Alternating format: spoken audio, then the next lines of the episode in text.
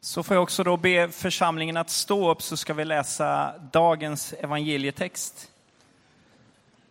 Som är hämtad från Lukas evangeliet, det sjuttonde kapitlet, vers 11. Och det är på sidan 743-744 om ni har en röd lånebibel. Tio spet älska botas. Under sin vandring mot Jerusalem följde han gränsen mellan Samarien och Galileen. När han var på väg in i en by kom tio spetälska emot honom. De stannade på avstånd och ropade Jesus, Mästare, förbarma dig över oss. Då sa han till dem, gå och visa upp er för prästerna. Och medan de var på väg dit blev de rena. En av dem vände tillbaka när han såg att han hade blivit frisk. Med hög röst prisade han Gud och kastade sig till marken vid Jesu fötter och tackade honom. Han var samarier. Jesus frågade, blev inte alla tio rena? Vad, vad är de nio andra? Är det bara den här främlingen som har vänt tillbaka för att ge Gud ära? Och han sa till mannen, stig upp och gå, din tro har hjälpt dig. Så lyder det heliga evangeliet.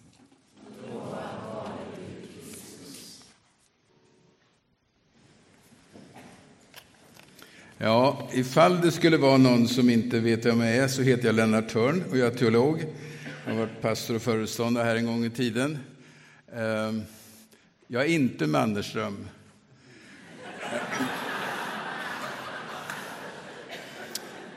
Jag var på Bokmässan och presenterade min bok i olika sammanhang. Eh, och eh, då kommer det fram, och det har hänt på stan också, men då kom det fram på Bokmässan en gammal dam. Oh, tänk att få träffa Mannerström. Underbart. Och vara någon annan. Alltså en teolog är inte så mycket värd, förstår ni, men en kock. Nu har jag kokat en soppa. Jag är jätteglad för att jag har tilldelats att predika idag. Det är ju inte så ofta numera.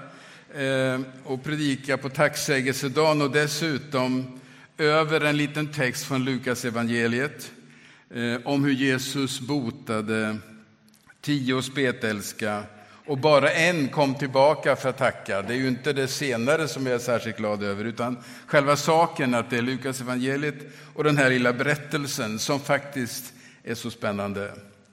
Det finns ju anledning att tacka för väldigt mycket. Förr så var tacksägelsedagen en mycket stor kyrkdag eh, då man fyllde kyrkorna med eh, det som hade odlats och växt och det som skördats under sommaren och hösten. Så är det ju inte idag. Eh, vi har ändå anledning att tacka för mycket. För min egen del så firade jag tillsammans med min hustru i fredags eh, en 50-årig bröllopsdag. Och vi var, eh, jag kände precis som om jag hade gått i mål. Och idag känner jag så här att det är fantastiskt att bo i Göteborg med så fint väder, eller hur?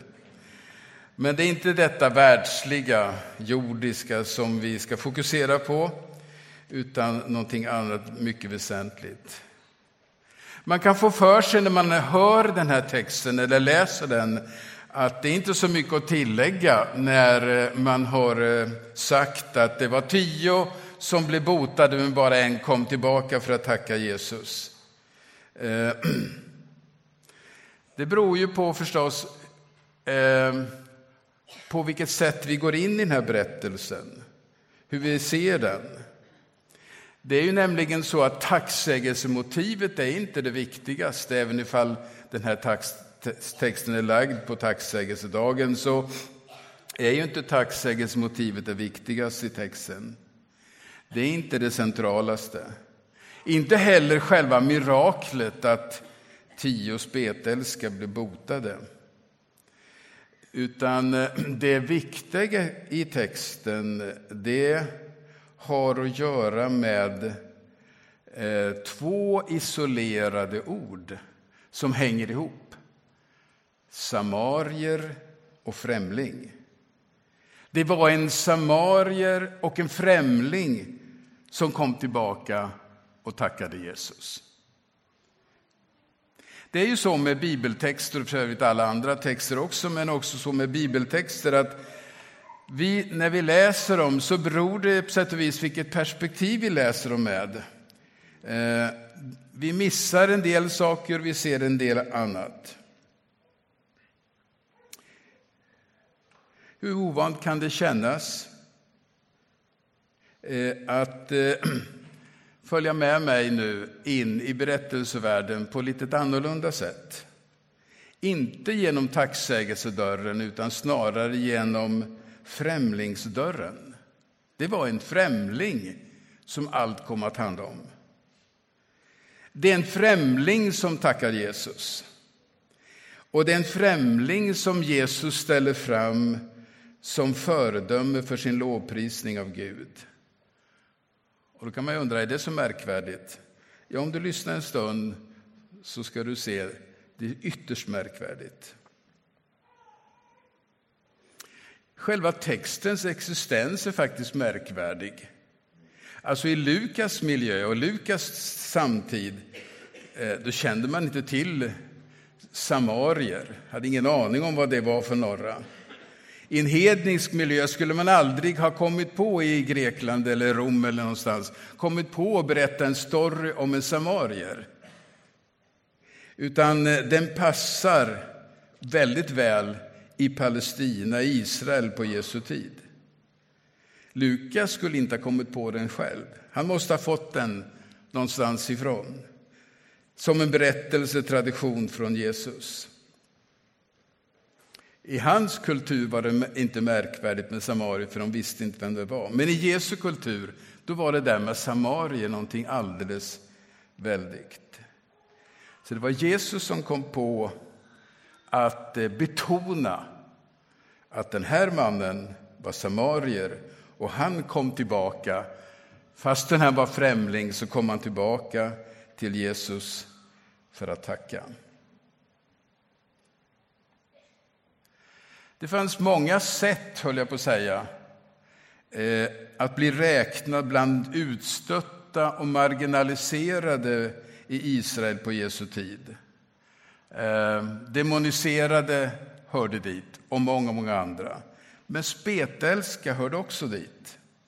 De tvingades leva isolerade för att inte smitta och orena andra. De var på grund av sin sjukdom utanför. De förväntades varna alla för sin existens när de, någon, när de närmades någon. Och för den skull står det just i texten, de ropade på avstånd och bad om hjälp.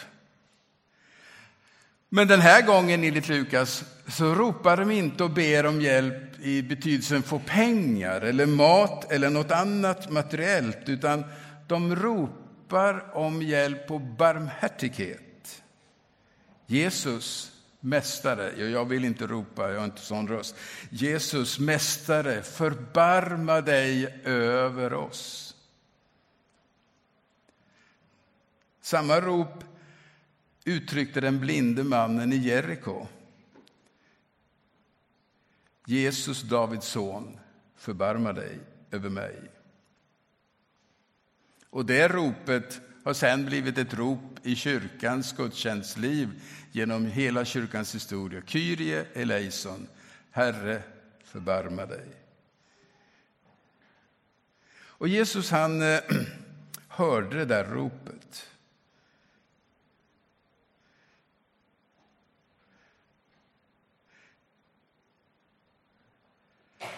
Och svarade på deras rop. Men inte som han brukade göra med att gå fram till den sjuke, lägga sin hand på den, eller honom eller henne och sen bota personen i fråga. Utan på avstånd, utan att ha mött dem rent fysiskt annat än att ha sett dem, så säger han till dem gå iväg till prästerna och visa upp er för dem. Och det är ju en konstig eh, formulering för oss, kan hända. Vid ett tillfälle så var ordningen den omvända. Jesus botade den spetälske och sen skickade han iväg honom till, till prästerna. Men här skickades de iväg utan att Jesus hade gjort något annat än säga de där orden. Gå iväg och visa upp er för prästerna. Och medan de var på väg, enligt berättelsen, så blev de botade. Så i någon mening, hör nu, i någon mening gick de faktiskt iväg i tro. De vågade chansa på att Jesu ord skulle gälla något. Att man överhuvudtaget måste gå till prästerna och visa upp sig, det var ju att de spetälska hade inte rätt att vistas i templet. De var utestängda även från andra religiösa sammanslutningar. De var utanför. Utan att de hade blivit friska, så, och det blev man ju inte som spetälsk som regel, så kunde man inte få delta i gudstjänstlivet. Man var utanför. Och därför så var det här något väldigt stort. Men prästen kunde konstatera om det är någon som hade haft en, någon slags hudsjukdom. Det var många hudsjukdomar som kallades för, för spetälska fast det i själva verket inte var den här moderna formen av spetälska. De kunde bli botade. Och då kunde prästen säga du är ren. Du är frisk nu. Understått, du får gå till templet. Så de gick dit i förhoppning om att de skulle få höra just de där fantastiska orden att de var rena. Annars skulle de vara utestängda från tempelkulten. Jesus han anpassade sig faktiskt eh, till den rådande kulturen och till de religiösa sederna och skickade dem till prästerna. Nu ligger det nära till hands att vi som är vana att läsa Bibeln och så, att vi direkt tänker att jaha, det var till Jerusalems tempel de gick för att visa upp sig där.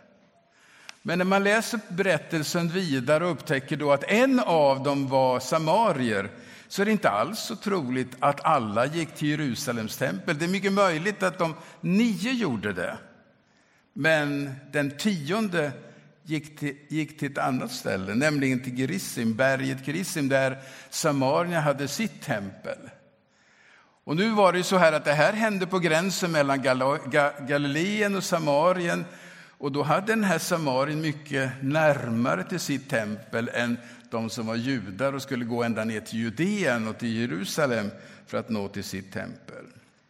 Så det är mycket möjligt att den tionde begav sig till Gerizim. Han hade kortare väg och det var ju naturligtvis också naturligt att han hade snabbare väg tillbaka om nu alla hade gått tillbaka. Nu vet vi inte om han ens gick till berget Grissim för att någonstans på vägen så blev han botad. Men där ligger inte poängen. Utan poängen ligger i att Jesus Eh, den, den spetälske återvände till Jesus. Och så står det kastade sig ner vid hans fötter och tackade Gud.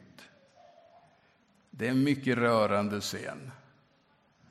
Eh, att se framför sig hur den spetälske som har varit utestängd från all närhet och fysisk kontakt böjer sig ner och rör vid Jesu fötter. Ni kan se framför er hur den här chockade tidigare spetälske mannen rör vid Jesu fötter. Det måste varit jättestort. Och här kunde storyn ha slutat. För så slutar berättelserna ofta om Jesu under. Jesus botar och så tackar de Gud och i några fall just böjer sig ner och rör vid hans fötter som uttryck för glädje och ödmjukhet. Men den slutar inte så. Utan Jesus fortsätter och ställer tre retoriska frågor. Blev inte alla tio rena? Det är en naturlig fråga. Var är de nio andra?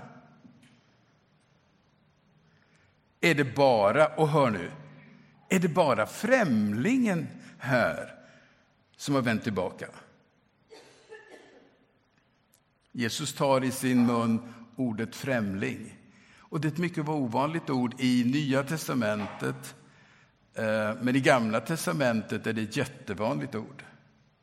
Man talar om främlingen, om det föräldralösa barnet, om änkan som tre i en alldeles särskild grupp som var ut, utelämnade i livet och som man skulle ta hand om. Och främlingen står för, för invandraren.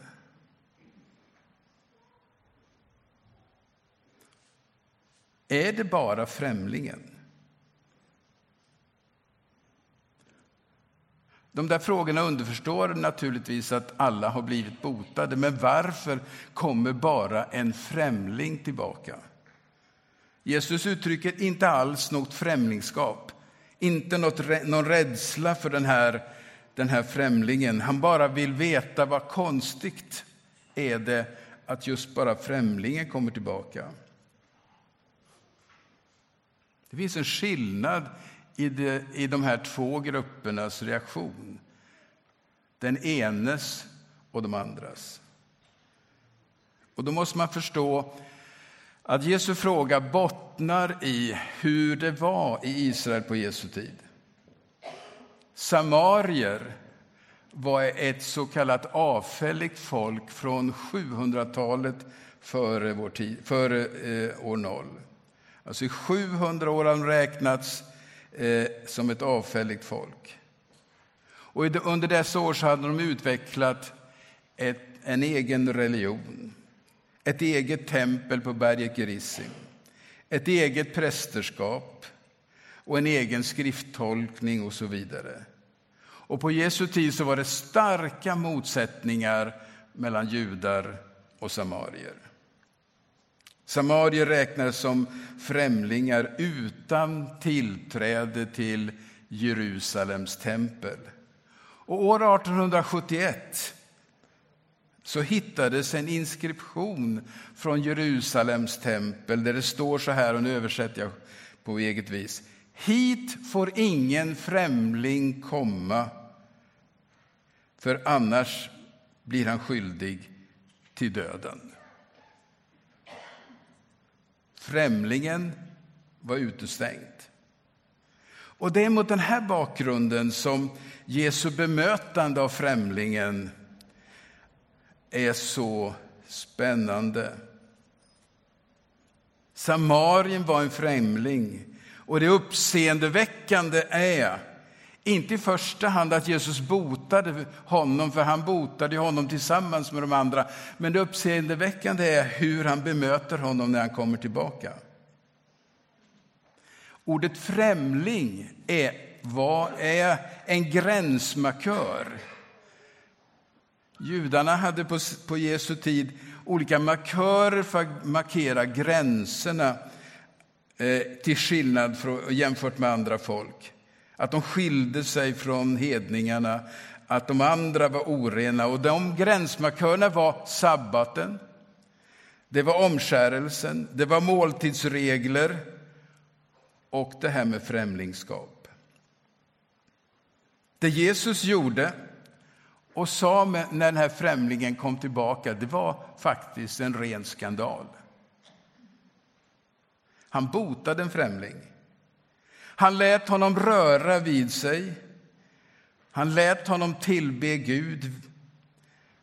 Han bekräftade den här främlingens tro på Gud utan att det skedde i Jerusalems tempel. Precis som i liknelsen om den barmhärtige samarien så gjorde Jesus faktiskt den här främlingen till ett föredöme framför nio andra judar. Alla tio hade varit förenade med varandra i ett rop på hjälp, i en önskan om att få hälsa. Men i tacksägelsen var främlingen, samarien, ensam. Vänner, jag älskar den här Jesus som Lukas evangeliet ständigt målar upp i olika former. Jag är så, så tacksam på tacksägelsedagen för Lukas evangeliet och Lukas Jesus.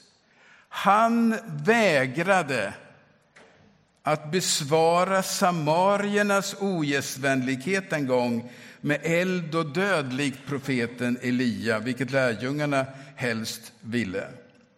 Jesus skulle nämligen gå igenom Samarien och när man går den vägen så måste man få gå över någonstans och vara utsatt för gästfrihet. Men samarierna vägrade. Och hans lärjungar kom på, ja men Elia, vi vet hur han gjorde. Han kallade ner eld från himlen som straff. Men Jesus tystade ner dem och vägrade vara med om en sån reaktion.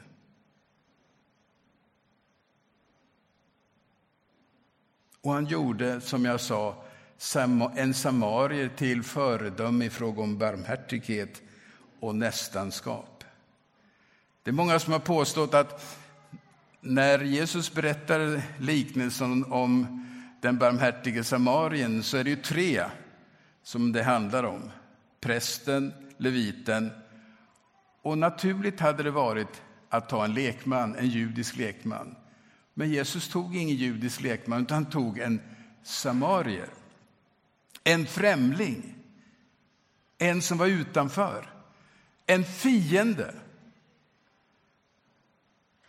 Och fienden, främlingen, den som var utanför var den som fick bli föredöme i fråga om nästanskap. Där Jesus visar att nästan är inte någon man gör något mot, utan nästan är någonting man är. Och en samarier, en främling, en fiende är exempel på hur man är en nästa.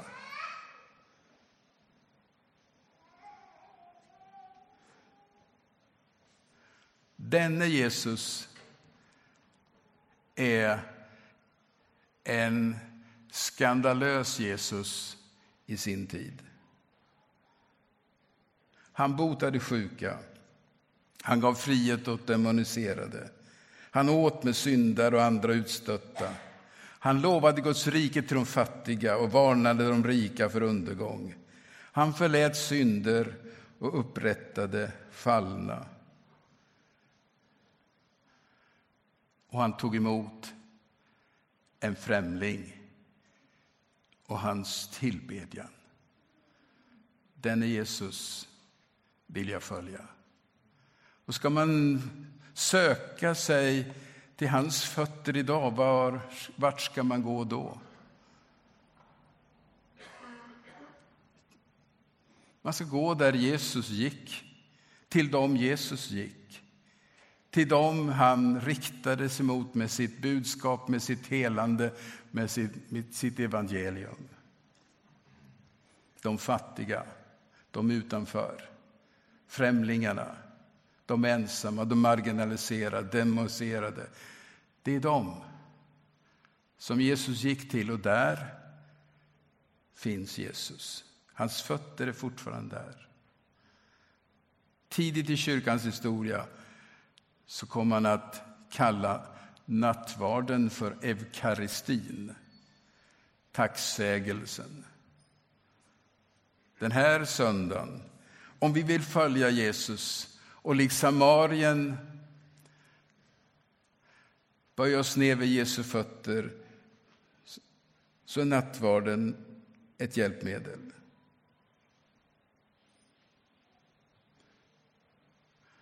Samtidigt som Samarien upplevde för egen del hälsa och befrielse så blir han på det här sättet en symbol för hur Jesus skandalöst bröt med utanförskap och främlingskap. Och utan det förhållningssättet som Jesus hade så hade någon världsvid mission aldrig grundats. Det är utifrån det förhållningssättet att vända sig mot de nedersta, de minsta, de svagaste, de fattigaste, de mest utelämnade och bejaka dem i deras tillbedjan. Som evangeliet också nådde till dig och mig.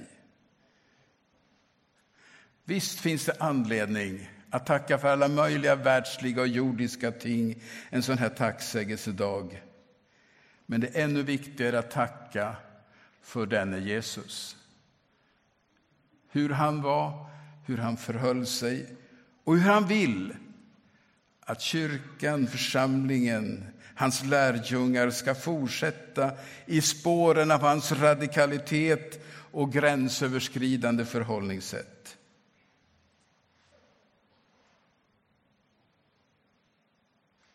Jag skulle uttrycka det så här, utan denne Jesus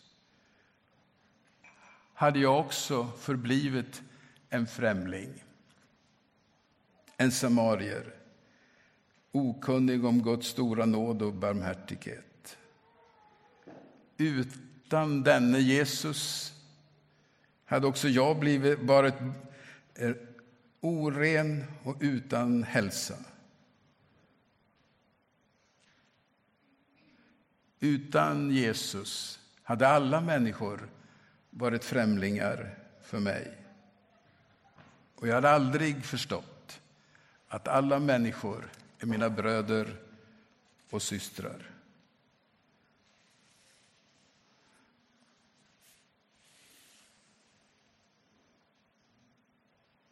Jag vill inget hellre än att vara en av den tionde och komma tillbaka till Jesus och tacka och tillbe honom än en av de nio som tar allt för självklart och tacksägelselöst går vidare i livet. Och det valet måste vi var och en göra själva. Är jag en tionde eller en bland de nio? På så vis är den här texten så utmanande, den här lilla berättelsen som på sätt och vis är så enkel, men egentligen så kolossalt dramatisk. Är vi en av den tionde eller en av nio? Låt mig få be.